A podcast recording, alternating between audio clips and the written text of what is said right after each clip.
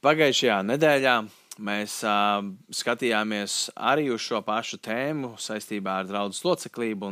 Es teicu, ka būs vēl viena vai divas reizes. Tātad šī būs pēdējā reize, kopā būs bijušas divas reizes, kad mēs būsim domājuši par draugu locekļiem, par draugu, par draugu loceklību. Un pagājušo nedēļu mēs runājam par to, ka draudzene nav vietējais topiņš, vai rīmī, vai maksimums, kur tu ej atkarībā, kurā dienā ir atlaides. Draudzene nav uh, sporta klubs, kurā tev ir lojalitātes programma uz gadu noslēgts, un tāpēc tu ej un nākošais gads, ja labāku piedāvājumu piedāvās cita vieta, tad tu ies uz turieni. Draudzinām arī domu biedru grupa. Atcerieties, jā, ka jūs vienkārši sanāk kopā pārunāt saistošās tēmas, un draudz arī nav pakalpojums sniedzējs, kur tu atnāc. Līdzīgi kā te uz masāžu, tu apgulies, saņem pakalpojumu, tā aizēja projām. Bet uh, tieši otrādi, draudz ir vieta, kurā mēs kalpojam. Bet Mēs mācījāmies to, ka draudzene ir debesu valstības vēstniecība šeit uz zemes, un tu kā kristietis, kā ticīgais, kā dieva bērns, esi šīs vēstniecības pārstāvis, jeb debesu valstības pārstāvis šeit uz zemes, jeb Jēzus Kristus vēstnieks. To mēs skatījāmies pagājušajā reizē. Un tu kļūsti par šo vēstnieku brīdī, kad tu pieņem Jēzu par savu glābēju, kad tu atzīsties, apliecini Jēzu par savu kungu un izsūdz viņam savus grēkus. Tajā brīdī tu kļūsti par šo debesu valstības vēstnieku. Šorīt mēs domāsim par trīs tādiem virzieniem, par trīs lietām, par draudzes locekļu standartiem. Man ir standarti, ļoti svarīgi saprast, kā tad ir standarti, par to, kā kristietim ir jāpakļaujas savai draudzē un par disciplīnu, kas tiek pielietot draudzē. Tātad draudzes locekļu disciplīna, jeb pārmācīšana. Man nepatīk tas vārds pārmācīšana, tas tā tādā koncentrācijas nometnē mēs tev pārmācīsim. Tas galīgi absolūti nav disciplīna, drīzāk būtu tas precīzākais vārds. Līdz ar to tagad ka tu zini, balsoties arī no pagājušās svētdienas, ja gadījumā kāds nebija pagājušā svētdiena, nedzirdēja, noklausies pagājušās svētdienas svētdienu, tad um, tev būs lielāka sapratne par to, kāpēc mēs būvējam to, ko mēs būvējam. Un tagad, kad tu zini, ka tu esi Jēzus vēstnieks, ka tu esi uh, viņa pārstāvs, kādam tev ir jābūt? Kādi ir tie standarti? Mēs zinām, ka viena lieta, ko Bībele saka, ja esi perfekts, kā jūs debes tēvs ir perfekts. Angļu tūkam rakstīts, latviešu valodā ir rakstīts, esiet pilnīgi, kā jūs debes tēvs ir pilnīgs. Un tad, protams, rodas jautājums, es perfekts, es pilnīgs. Kurš vispār var būt pilnīgs? Neviens! Tad neviens nevar kļūt par lote, lo, locekli, neviens nevar kļūt par viņu vēstnieku. Apskatīsimies, kādam tev ir jābūt. Jo padomāsim, tad, kad mēs domājam par kaut kādām lietām, piemēram, kad tu domā, kur iesaistīties. Nu, mēs daudz iesaistāmies. Piemēram, es atceros, tad, kad es aizbraucu uz īriju dzīvot, uh, tur futbola komandas tikās pārkos. Es vienkārši gribēju pievienoties kādā futbola komandā. Uh, tas bija Dublinā, pēc tam jau, kad es biju jau kādu laiku dzīvojis īrijā.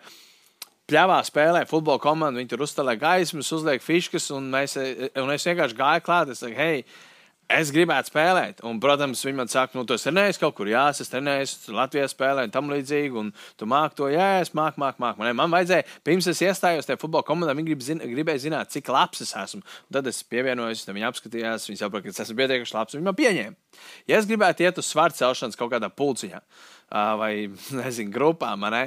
Es teicu, ej, vīri, es gribētu arī celt svārus. Viņi pastītos uz mani, viņi saka, nu, stieni var pacelt. Nu, tad viņi gribētu redzēt, cik stiprs es esmu. Vai, piemēram, padomāsim par kori. Es gribētu iestāties vietējā liepājas korī. Nezinu, tāds ir vai nav, bet gribētu iestāties korī. Pirmais, ko gribētu teikt, nu, jūs kaut kur esat dziedājis, jūs savu balsu noturēt varat. Tad, viņi sagaidīja no manis, ka es pietiekoši labi dziedu.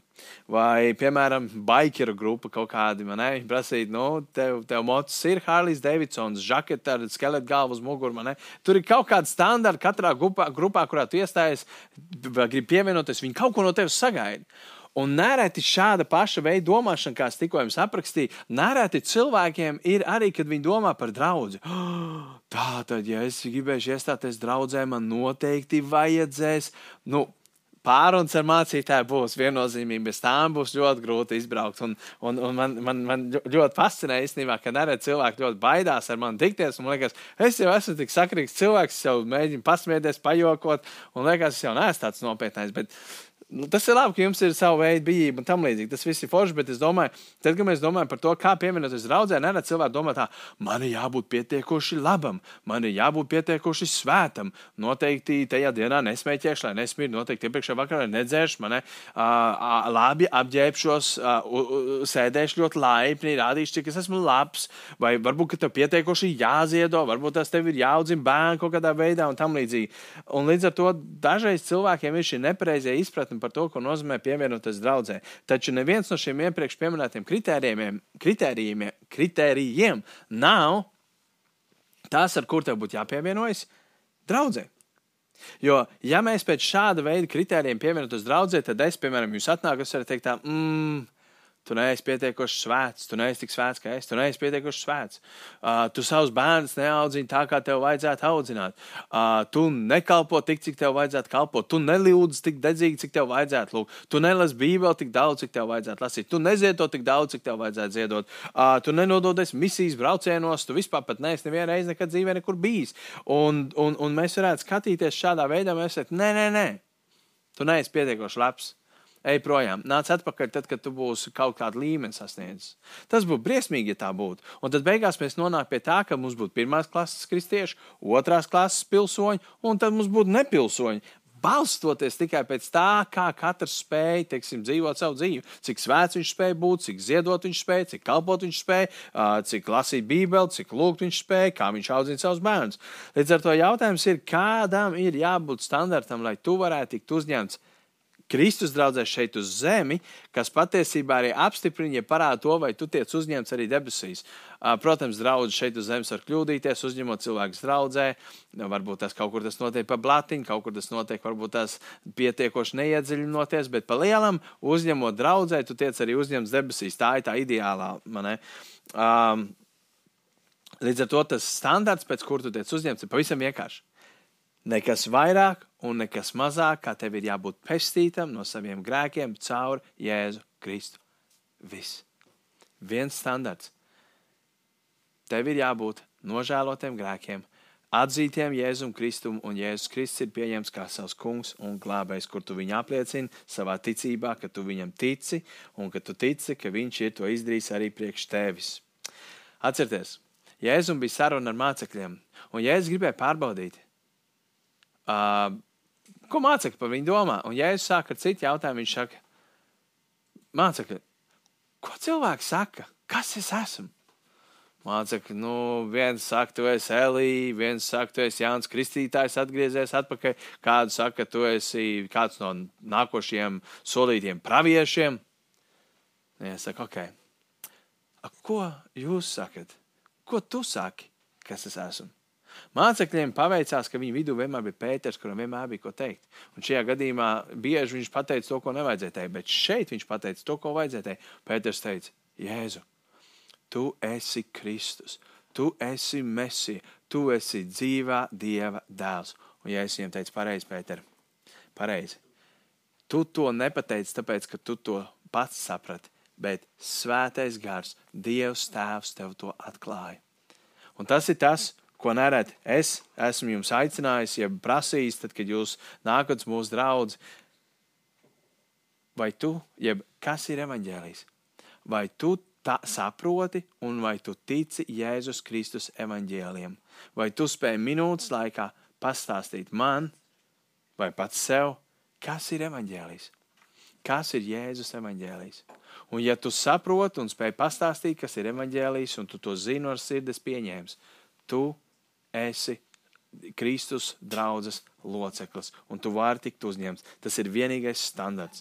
Tātad, lai kļūtu par draudzes locekli, tev nav jāiegūst kaut, kas, kaut kāds īpašs morāls standarts, bet tieši otrādi Nereti tev ir šī apziņa, ka tu neesi svēts. Nereti tev ir šī apziņa, ka tev pietrūks. Nereti tev ir šī apziņa, ka tu esi grēcīgs un tev ir problēmas. Tu nespēji pieņemt to, ka Dievs, kurš ir svēts, varētu pieņemt tevi, kurš esi tik nesvēts. Bet tieši šīs slāpes būt svētam, slāpes būt taisnam, ir tās, kas cilvēku grēcinieku netaisnu ved tuvāk Dievam.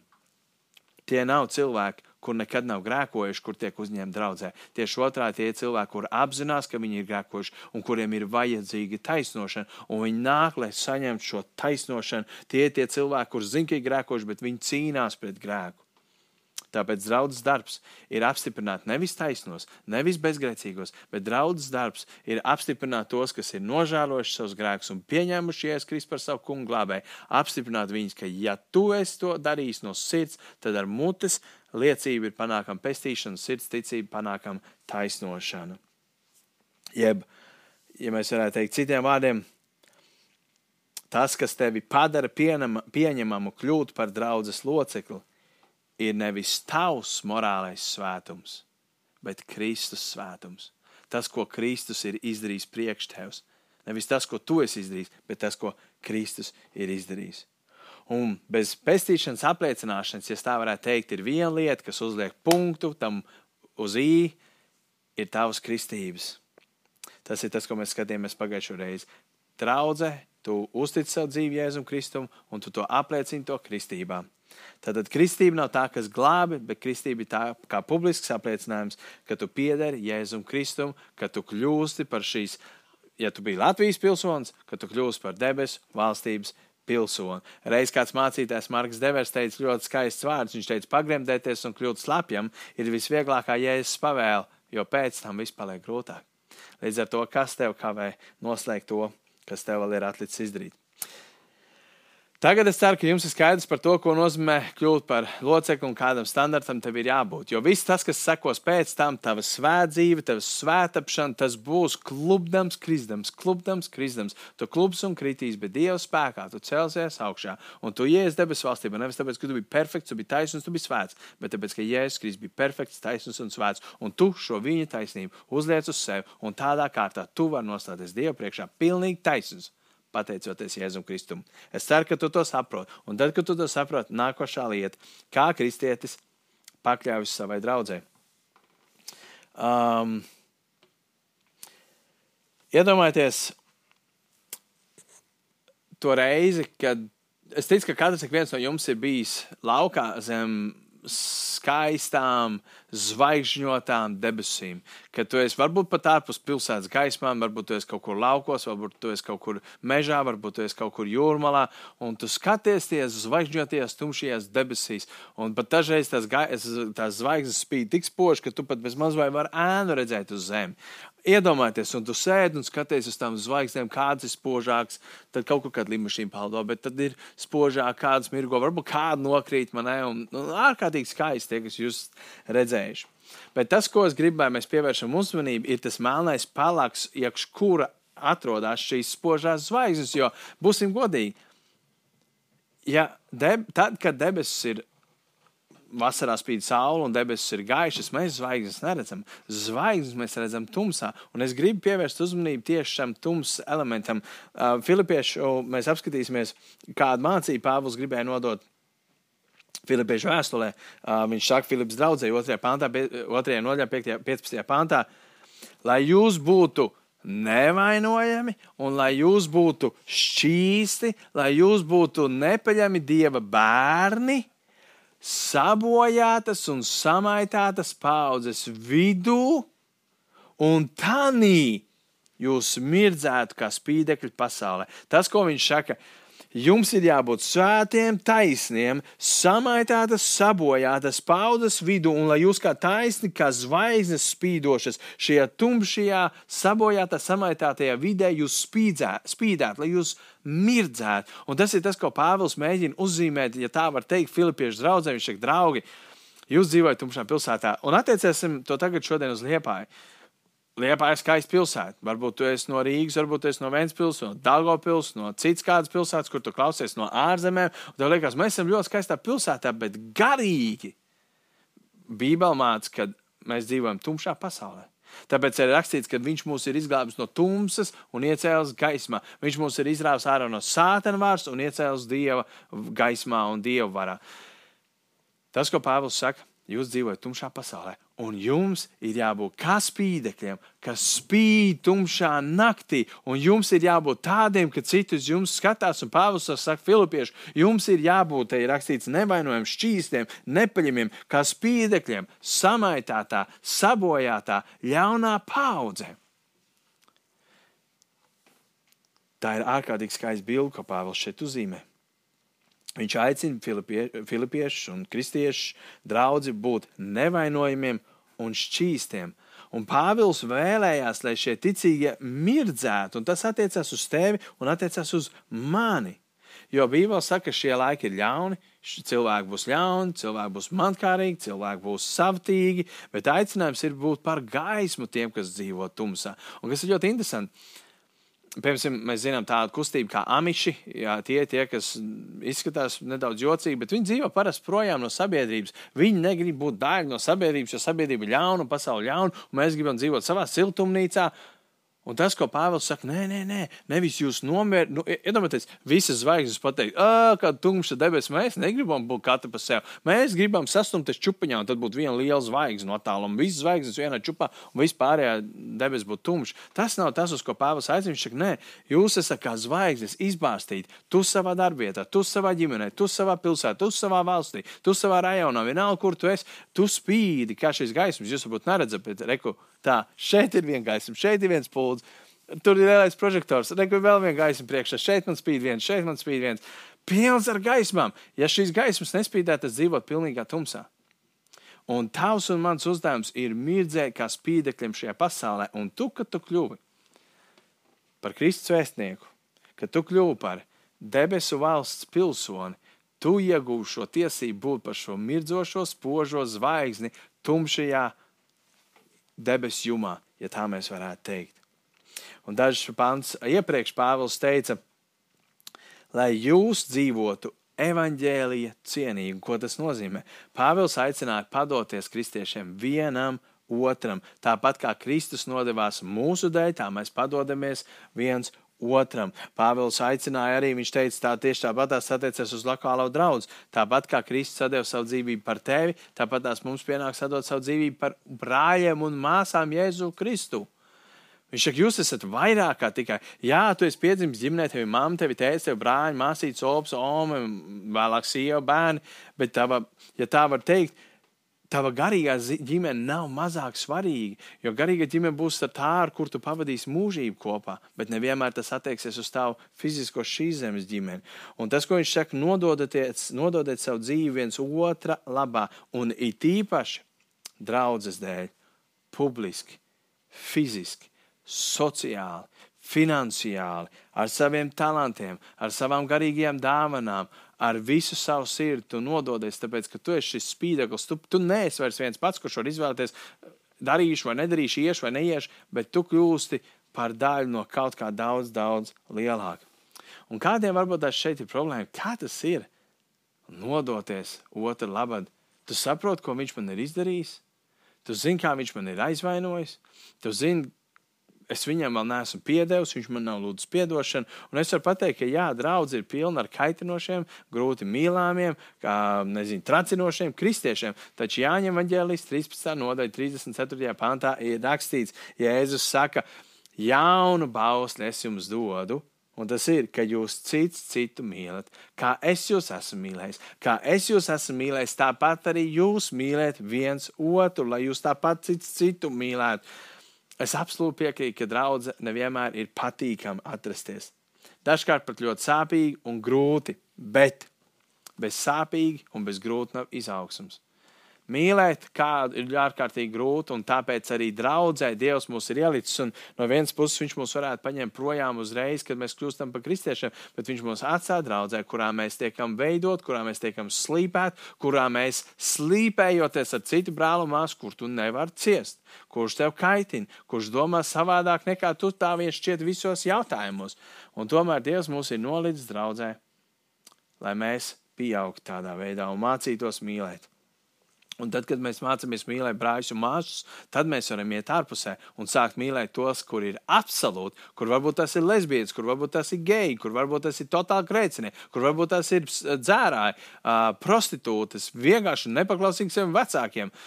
Vienalga, kas būtu viņi, tad mēs varam sākt viņus mīlēt, ja mēs esam mācījušies mīlēt arī savus brāļus un māsas, lai mēs būtu svēti, lai mēs būtu nevainojami, lai mēs būtu perfekti Dieva bērni samaitāts, sabojāts ļaunas paudzes vidū.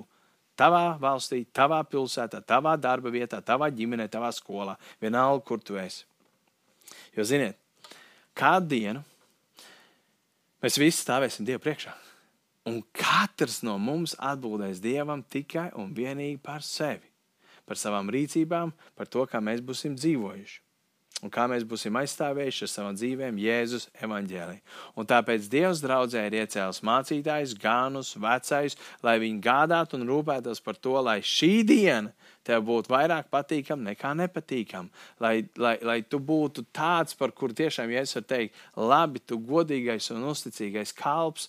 Jo, ja mēs domājam par šo līdzību, kur ja es runāju par šo uzticīgo un neuzticīgo kalpu, nav jau tā, ka tas uzticīgais kalps vienmēr bija perfekts. Nav jau tā, ka tad, kad viņš lietoja savus talantus, viņš nekad nekļūdījās. Bet mēs redzam, ka Jēzus viņam saka, labi, tu godīgais. Viņš nesaka, labi, tu godīgais, kaut kā tu citreiz tu biji tāds un šitāds, šitāds, un vispār es tevi nevarēju mīlēt, bet labi, tu godīgais kalps. Nē, nē, nē. Viņš saka, labi, tu godīgais kalps. Tie bija skaisti vārdi, kurus viņš teica. Līdz ar to nereti pakļauties draudzēji, un, un, un, un šo mācītāju un gānu un uzdevums ir palīdzēt sagatavot šai dienai, lai tev būtu vieglāk. Un tāpēc nereti pakļauties draudzēji nozīmē pakļauties tām autoritātēm, kuras Dievs ir iecēlis. Un tāpēc jautājums, kā tad draudzē jāizturās, un šeit ir vienkārši kādas lietas, kuras es pierakstīju. Ne? Draudzē tev ir jāspēj pieņemt savu mācītāju, jāspēj pieņemt savus vadītājus, tev jāspēj viņus mīlēt, cienīt, pakļauties viņiem, lūgt par viņiem. Man un citiem vadītājiem mums ir vajadzīgs, lai jūs lūdzat, lai jūs lūdzat par, par tiem, kas ir vadošos amatus. Tas ir tas, ko Dieva vārds māca. Arī tagad Ozola ģimenei braucot, tas nav tā, es gribu lūdzu, negribu nelūdzu. Nē, ja viņi ir atstājuši savus dzīves vietas, savus darba vietas, un viņi tagad dodas, lai kalpotu, Bībele māca, ka mums par tādiem cilvēkiem ir jālūdz. Un, protams, Bībele arī māca, ka jūs varat apsūdzēt mani, piemēram, ja diviem vai trijiem ir pierādām vaina, ka es esmu pieķerts kādā pārkāpumā. Un noteikti jāatlaiž mācītājs, ja netiek mācīts evaņģēlijs, ja tiek sludināts cits evaņģēlijs, kā Pāvils māca galotiešos. Līdz ar to, protams, tas ir tas, ko Dievs ir iecēlis draudzē. Līdz ar to Šie kalpi ir iecelti, lai tev palīdzētu sagatavoties tajā dienā, lai tev palīdzētu kalpot šeit, kamēr tu esi uz zemes, lai tu būtu maksimāli labs Kristus vēstnieks šeit uz zemes. Un pēdējais, ko es gribu pieminēt šajā rītā, ir um, draudzes disciplīna, jeb draudzes locekļu disciplinēšana. Ziniet, kristietībā kādas tēmas ir ļoti sāpīgas. Viena no tām ir finanses, viena no tām ir seks pirms laulības, un vēl kādas tēmas, un, un, un viennozīmīgi arī draudzes disciplinēšana, jeb draudzes locekļu disciplinēšana. Un tāpēc, ka tā ir ļoti sāpīga tēma, daudz cilvēku par to vienkārši ir draudzes, piedodiet, draudzes par to nemāca, par to nerunā. Un, uh, tas ir diezgan nepatīkami. Bet es gribu atcerēties to, kad, uh, lai jūs atcerieties, ka draudzes, kad no, būt draudzes loceklim nozīmē būt Jēzus pārstāvim. Un disciplīna ir attiecīga rīcība, kad Jēzus pārstāvs sāk celt, jeb nest neslavu Jēzus vārdam ar savu rīcību, ar savu dzīvi, ar savu raksturu. Kad viņš sāk būt par apgrēcību, kā Jēzus rakstīja Bībelē, mēs esam jūsu dēļ, mans vārds tiek zaimots, jūsu rīcības dēļ, jūsu nepreizās rīcības dēļ. Un tāpēc Dievs ir devis draudzēji, tāpēc, ka viņi ir autoritāti, Dievs ir iecēlis šos vadītājus, viņiem ir dota vara arī disciplinēt tos draugus locekļus, kuri ir nogājuši pišķiņu greizi, jeb ir iegājuši iekšā grēka ceļos. Līdz ar to mēs apstīsimies uz piecām lietām. Ātri piecas lietas, kāds ir disciplīnas mērķis. Pirmais disciplīnas mērķis ir atklāt, jeb atmaskot. Ziniet, grēks, līdzīgi kā slimība vēzis, mīl slēpties.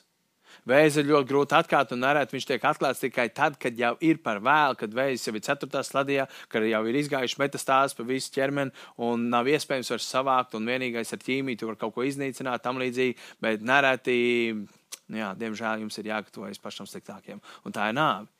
Un grēks tieši tāpatās viņam patīk slēpties. Viņam patīk kaut kur palīst apakšā, lai viņš netiktu atrasts. Un disciplīna ir tā līdzīgi kā vēzis, tad, kad viņš tiek laicīgi atrasts, viņš var tikt novērsts. Tieši tāda pati disciplīna, tā, kas, ja viņi tiek laicīgi uh, pielietot, tad viņi var palīdzēt šim cilvēkam neaiziet posta ceļā. Tad, tad pirmais, tad, tad uh, disciplīna ir, lai palīdzētu atklāt. Otrais, disciplīnas mērķis ir, lai tevi brīdinātu.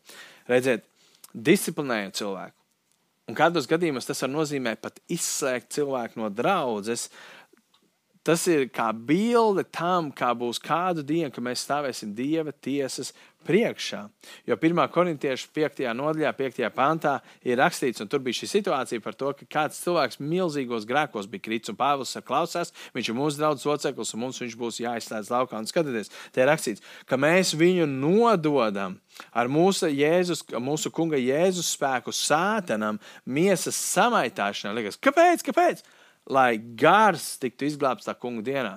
Tas nozīmē, viņš varbūt ies bojā, varbūt pat smagā slimībā vai kaut kādā nenormālā, nenormālā nāvē, jeb ne dabiskā nāvē, bet viņa dvēsele tiks izglābta. Kad viņš nosāsties Dievu priekšā, Dievs teiks, jā, tu ticēji uz mani, bet tu biji grēkojis, un man te bija jāizbeidz tavu dzīvi, lai tavs gars tiktu izglābts. Un disciplīna ir, lai šo cilvēku brīdinātu, klausies, mēs tev nododam. Uh, Tas varbūt tā traks, kā nu mēs par to skatījāmies, ka mēs gājām cauri korintiešu vēstulē, bet vienkārši atkal šī tēma paceļās.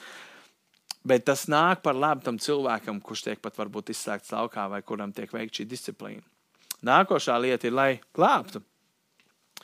Kad Jēzus pārstāvs, tu kā vēstnieks, Jēzus pārstāvs, kad viņš sāk dzīvot grēkā un sāk iet nāves ceļu, tad disciplīnas mērķis ir glābt tevi. Tad, kad tu ej nāves ceļā, disciplīnas mērķis ir, lai tevi vilktu atpakaļ, lai tu atgrieztos prom no šī nāves ceļa. Ceturtais uh, disciplīnas mērķis ir, lai tevi pasargātu. Līdzīgi kā vēzis iet no vienas šūnas uz otru šūnu, viņš vienkārši iet un izplatās. Tieši tāpat tās nepieskatīts grēks var sākt iet no vienas draudzes locekļa uz otru draudzes locekli. To mēs skatījāmies toreiz, kad mēs domājam par šo raksturvietu, kur bija rakstīts, ka, piemēram, mēs atļautu kādam grēkam mūsu draudzē izpasties, o, oh, beidz, reku, viņš dzīvo grēkā, viss ok. Tad jau laikam ir ok, neviens neko nesaka. Tad jau ir ok, es ar tā varu dzīvot. O, oh, viņš ar tā dzīvo, o, oh, tad jau es arī varu. Ah, tad es arī, tad es arī, tad es arī. Un viņš kā vēzis, lēnām, lēnām pārēja par visu Kristus miesu, kā rezultātā Dievam nekas cits neatliek, kā to visu izbeigt. Līdz ar to tas ir, lai, tad, ja mēs skatāmies, tad, tad lai atklātu un atmaskotu, lai brīdinātu, lai glābtu, lai pasargātu. 1. korintiešiem 5, 6 rakstīts jūsu lielīšanās nav laba. Vai jūs nezināt, ka maza auga saraudzē visu mīklu? Tas, ko Pāvils saka, viņš saka, tas jūs pat lielieties par to grēku, kas ir jūsu vidū, bet tas nav labi. Viņš saka, maza auga saraudzē visu mīklu.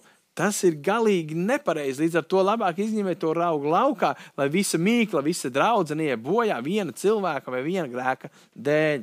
Un pēdējā, pēdējā lieta disciplīnas mērķim ir, lai nestu labu liecību par Jēzu.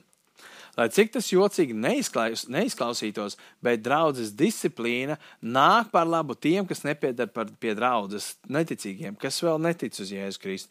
Jo viņa palīdz saglabāt šo atšķirību starp Kristus draugu un starp pasauli. Jo atcerieties, 1. korintiešu 5.1 bija rakstīts, tad, kad Pāvils iesāk šo sarunu par šo grēku, kas ir šajā draudzē, te ir rakstīts.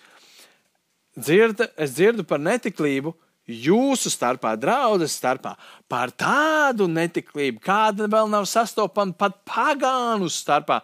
Atcerieties, šī ilustrācija, starp, ka jums jābūt kā draudzēm, kas spīd tumsībā. Viņš saka, jūs esat tās, draud, tās zvaigznītes, kas spožas spīd, un pasaule ir tā tumšā debesis. Viņš saka, runā par tādu netiklību, kāda pat nav iedomājama tajā tumšajā pasaulē, pa jums, kur, mums, kur jums būtu jābūt brīviem no grēka. Jums ir tāda netiklība, pat pagāna tādā nedzīvot.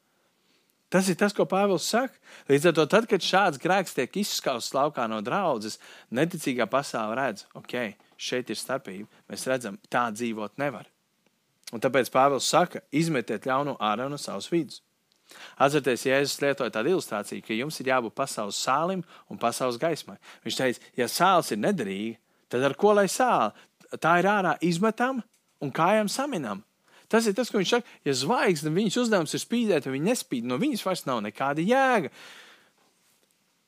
Šis puldzīt, viņa spīd, un mēs teiktu, o, oh, baigi labi, bet ja viņa es izslēdzu augā, un viņa vairs nespīd, tad mēs varētu teikt, nav jēga no tās spuldzes. Mēs tikpat labi viņam varam mest laukā. Mēs paņemam, izskrējam, izmetam ārā, mēs paņemam citu, un mēs ieskrējam citu, lai viņi spīdētu. Tas ir tas, ko, ko runā. Ja viņi ir palikusi nespīdīgi, viņi vairs nespīd, tad viņi ir jāņem ārā. No viņas nājas nav jēga, jo spuldzes uzdevums ir spīdēt. Un tas ir tas, ko Pāvils vēlās mums pateikt.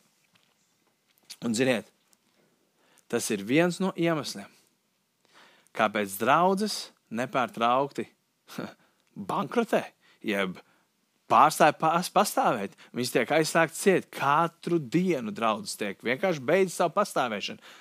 Un 99, ja ne visos 100% tas ir saistīts ar grēku, kurš netika pieskatīts, kurš netika disciplinēts, varbūt kāds kristietis, kurš sāk iet plašumā, plašumā, plašumā, līdz visa mīkla bija saraugus ar grēku, un tur vairs nebija piciņa labuma, un viņi kā vien ārā izmetam.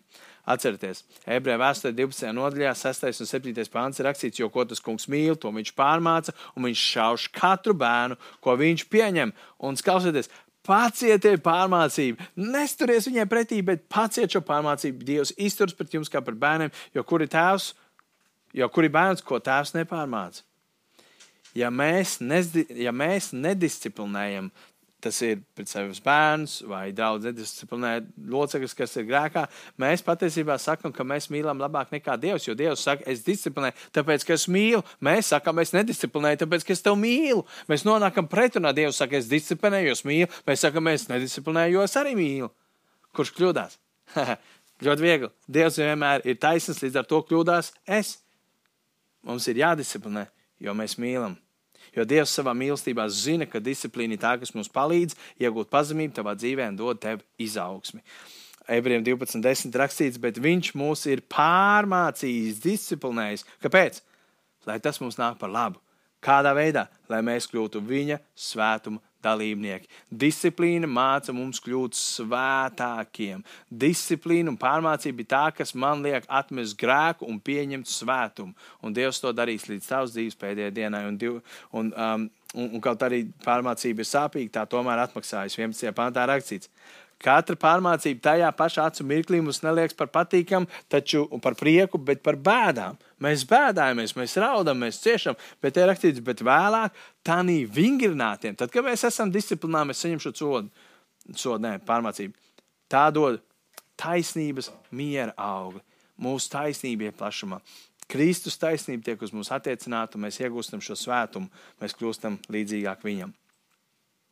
Tātad Šajā rītā mēs apskatījāmies uz draudzes locekļu standartiem, ka standarts ir tikai un viens, ka tev ir jābūt Dieva bērnam, atgriezušam, pieņēmušam Jēzu un nožēl, nožēlojušam savus grēkus. Otrs, ka kristietis pakļaujas savai draudzēji, un trešais - draudzes locekļu disciplinēšana. Tagad, kad tu zini, ka tu esi daļa no Kristus draudzes, ka tu esi daļa no Kristus vēstniecības, un tu esi viņa vēstnieks, jautājums, vai tu piederi pie lokālās draudzes? Vai tu esi daļa no Kristus draudzes, vai tu esi kādas draudzes loceklis. Vai tu esi pieņēmis jēzu kā savu kungu un glābēju, vai tu esi izsūdzējis savus grēkus. Ja tu neesi vēl to izdarījis, Es aicinu, ka tu meklē palīdzību. Es labprāt tev palīdzētu atvērt atbildēt šiem jautājumiem. Bet, ja tu esi to izdarījis, tad jautājums, vai tev ir bijusi arī bībeliski pagrēmta, vai tu esi bijis kristīts Jēzus Kristus vārdā, nomiris vecai dzīvē un cēlēs augšā jaunai, atjaunotai dzīvei, tādējādi pievienojoties Kristus draudzēm. Un, ja tu vēl neesi bijis kristīts, un, um, un, un tu klausies mūsu, vai tu, mums ir bijušas sarunas, nav bijušas sarunas, viņas ir atlikts, bet Dievs uz tevi runā šajā rītā par kristībām. Es gribu, lai ar kādiem jau man ir sarunas iesākts, un mums ir plāns, ka šī mēneša laikā mums varētu būt kristības iekštelpās. Iekštelpās es zinu, ka daudz atsīt tieši tas, ka varētu būt augsts, līdz ar to mēs esam. Um, sarunās ar kādu draugu, kur varētu mums iedot savu kristību basēnu, kur mēs varētu noturēt kristības tajā draudzē. Un, un, un, un līdz ar to, ja tu par to domā un Dievs uz tevi runā, piesakies pie manis un saki, un tad mēs tiksimies, runāsim un domāsim. Un arī, ja tu esi ticīgs Dieva bērns, bet tu neesi daļa no nevienas draudzes, dažādu iemeslu dēļ, uh, varbūt tie ir daudz gadi, nezinu, vienalga, kāda, kuram katram ir situācija, dažādas varbūt. Bet tu gribi būt par mūsu draugu locekli, piemēram, tad uh, arī tajā gadījumā dod man ziņu. Un es jums tagad gribu nedaudz praktiskas lietas iedot, pirms es noslēdzu šo svētdienu. Tad, kad mums bija pirmie, tad, tad mēs tagad esam iegājuši piektajā gadā, mūsu draugs ir četrus gadus un dažus mēnešus veca. Pirmajos četros gados mums īsti nebija tāda sistēma, jeb struktūra, kādā veidā mēs uzņēmām cilvēkus, jo mēs vēl bijām jauni un nebijām izauguši līdz tam, ka mums ir savs tāds. Bet līdz šajā brīdī mēs esam izveidojuši. Mēs esam izveidojuši tādu mūsu draugu, Liepais centra draugu, tādu locekļu rokas grāmatu kur ir gandrīz viss, kas tev ir vajadzīgs, zināt saistībā ar mūsu draugu. Tas ir tas, vienkārši es gribu šajā brīdī šo paskaidrot, jo šī uzruna būs pieejama Facebook, tas ir YouTube, un daudz cilvēku varēs nostīties viņu pēc tam, kur vēlēsies pievienoties. Līdz ar to mūsu draudzē ir šī, cilvē, šī mūsu draudzes locekļu rokas grāmata. Viņa ir uz dažām lapām, kurā ir pierakstīts vairākas lietas. Viena no lietām, kas ir pierakstīta, ir tavs trīs lielās pamatvaidzības par to, ka tev ir svarīgi būt daļa no lielās sadraudzības kas ir svētdienas dievkalpojums šajā brīdī, gan viņi ir mums attālināti, kas nav galīgi ideālais variants. Tad otrs, kas tev ir vajadzīgs, ir mazās grupas sadraudzība, un trešais, tev ir vajadzīga vieta, kur kalpot. Tas viss ir ierakstīts šeit. Tad tālāk šeit ir uh, mūsu draudzes uh, pienākums, ka mūsu pienākums ir vest cilvēkus tuvāk Jēzum Kristum no neticīgiem uz draudzes apmeklētājiem, no apmeklētājiem uz locekļiem, no locekļiem uz tādu kā uh, nodevušos locekli, un tad jau, protams, kodolā, ka tu esi pilnībā draudzes iekšienē. Pēc tam tālāk šeit mums ir pierakstīti uh, protams, informācija par mūsu draugu cilvēkiem, kalpotājiem, mācītājiem, par kādiem nozaru vadītājiem. Un tad šeit ir informācija par uh, draudzes pieciem mērķiem. Kādi ir draudzes un arī tādi pieci mērķi. Un šeit viņi tiek pierakstīti, ka tā ir pielūgsme, māceklība, sadraudzība, kalpošana un evanģelizācija. Un tad pašā beigās šeit ir tāda kā tabula, ja tā var teikt, man gan viss ir uz melnbaltu izprintēts, bet šeit jūs redzat tabulu, uh, kad šeit iet tā tā kustība, kad šeit es tu Pirmais līmenis ir, ka tu saņem šo materiālu, tu izai cauri, tu izlasi, tu saproti. Pēc tam nākamais ir, ka tev ir izaugsme. Ja tu esi pieņēmis jēzu kā savu kungu un glābēju, tu tiec mācekļots. Mēs nodrošinām mācekļošanu, mēs aicinām tevi iesaistīties mazajā grupā. Pēc tam tālāk mums būs arī mums to, tāds kā kalpošanas apmācības materiāls, kur būs iespējams viņam iziet cauri un tādējādi vieglāk saprast, kas ir tā kalpošana, uz kuru tev jāskatās tas virziens. Un ceturtais ir evanģelizācija, kur arī mums būs apmācības evanģelizācijā, kas sāksies nākošo svētdienu. Turpmākās kā minimums sešas svētdienas mums būs apmācības evanģelizācijā, kuras arī tiks saglabātas YouTube, viņas būs pieejamas visiem jums. Visu visu laiku, kad jūs vēls, vēlēsieties atgriezties atpakaļ un uh, iet tālāk šajā māceklībā un uh, eminizācijā. Un, protams, aicinājums vienmēr pievienoties. Um, Misijas braucieniem, kas mums šajā gadījumā ir lokāli, bet mēs ticam, ka drīz tas vīrus beigsies un būs iespējams atkal doties uz uh, citām vietām. Līdz ar to tas, kā jūs kļūstat mūsu draugiem, vienkārši gribēju saprast to procesu. Tas varbūt jums palīdz saprast, tas, ka tad, tu paņem šo materiālu, apskaties, tu saproti, iepazīsti, kas mēs esam, kādi mēs esam. Tad, tā ir tā, un tad sākumā arī ir iespēja aizpildīt šādu veidlapu, kurā tīri tā informācija, kas tu esi, vārds, uzvārds, kristība, datums un kas kristīja, ja tu gadījumā nāc no um, no, no, no, no teiksim, kādas citas vietas, kur tas viss jau ir noticis. Un tad mēs esam arī izveidojuši šo procesā, bet jau pa lielam ir izveidots tāds mūsu draudzes ticības apliecinājums, jo mēs to sapratām, ka. Um, Kļūstot vecākiem, ik pa laikam pievienojas kaut kāda cilvēka, un tāpēc, lai nebūtu domstarpības, kam mēs ticam, kam mēs neticam, uz astoņām lapām um, ir izveidots uh, tāds ticības apliecinājums, uh, Uh, par to, kam mēs ticam, kas ir Dievs, kas ir Jēzus, kas ir Svētais Gars, kas ir pestīšanas ceļš un, un, un kas ir tad, mūžīgā dzīvība. Tas arī jums būs iespējams izlasīt, iepazīties ar to, kas vēlaties. Un mums ir tāda locekļu vienošanās, kur mēs vienojamies par to, ka kļūstot par mūsu draugu locekli, man es uzņemos to šau, savu daļu šajā visā kalpošanā. Un tad mums ir šāda grāmatiņa, ko es pārsvarā jums dodu, kas saucās Soļus brīvību Kristu. Kāpēc šāda grāmatiņa, un tas viss nav rakstīts Bībelē, bet tā ir ārkārtīgi labi tajā ziņā, ka daudz no jums nākat no salauztas vidas. Un šī grāmatiņa palīdz ieraudzīt, vai tev ir kāda nepiedošana, kur tas palaidis garām. Varbūt tev ir kādas okultas lietas, ar kurām tas nodarbojas, un viņas nav bijušas nožēlotas. Varbūt tās, ka tur ir kādi, kā, kādi grēki, kur tev tiek atklāti. Un tas palīdz, ja pašā sākumā tev ieraudzīt, tikt brīvam un piedzīvot brīnišķīgu kristiešu dzīvi, kā Bībele to māca. Un tad, protams, mēs varam runāt par to, vai tev ir bijusi kristība. Un, ja tu saki, ka es gribu kristīties, tad arī mēs parūpēsimies, lai tas var notikt. Tas ir tas process, kādā mērā mēs esam izskaidrojušies divās nedēļās, kas ir draudzes loceklis, kas tas nav un kā tu vari kļūt par mūsu draugu locekli. Šis varbūt bija ļoti personīgi un, uh, un varbūt praktiski kaut kādā ziņā, bet, ja tu saki, es neesmu, bet es gribētu būt, uh, dod man ziņu, iesim cauri soli pa solim, un mēs, mans uzdevums, tas, ko es gribu, un mūsu draugs uzdevums ir sagatavot tevi mūžīgai dzīvībai. Un caur visiem šiem veidiem mēs gribam, lai tev ir vislabākā mācība, lai tev ir iespēja kalpot, lai tev ir iespēja pieaugt un lai tev ir iespēja dot tālāk arī evangelizācijas darbam.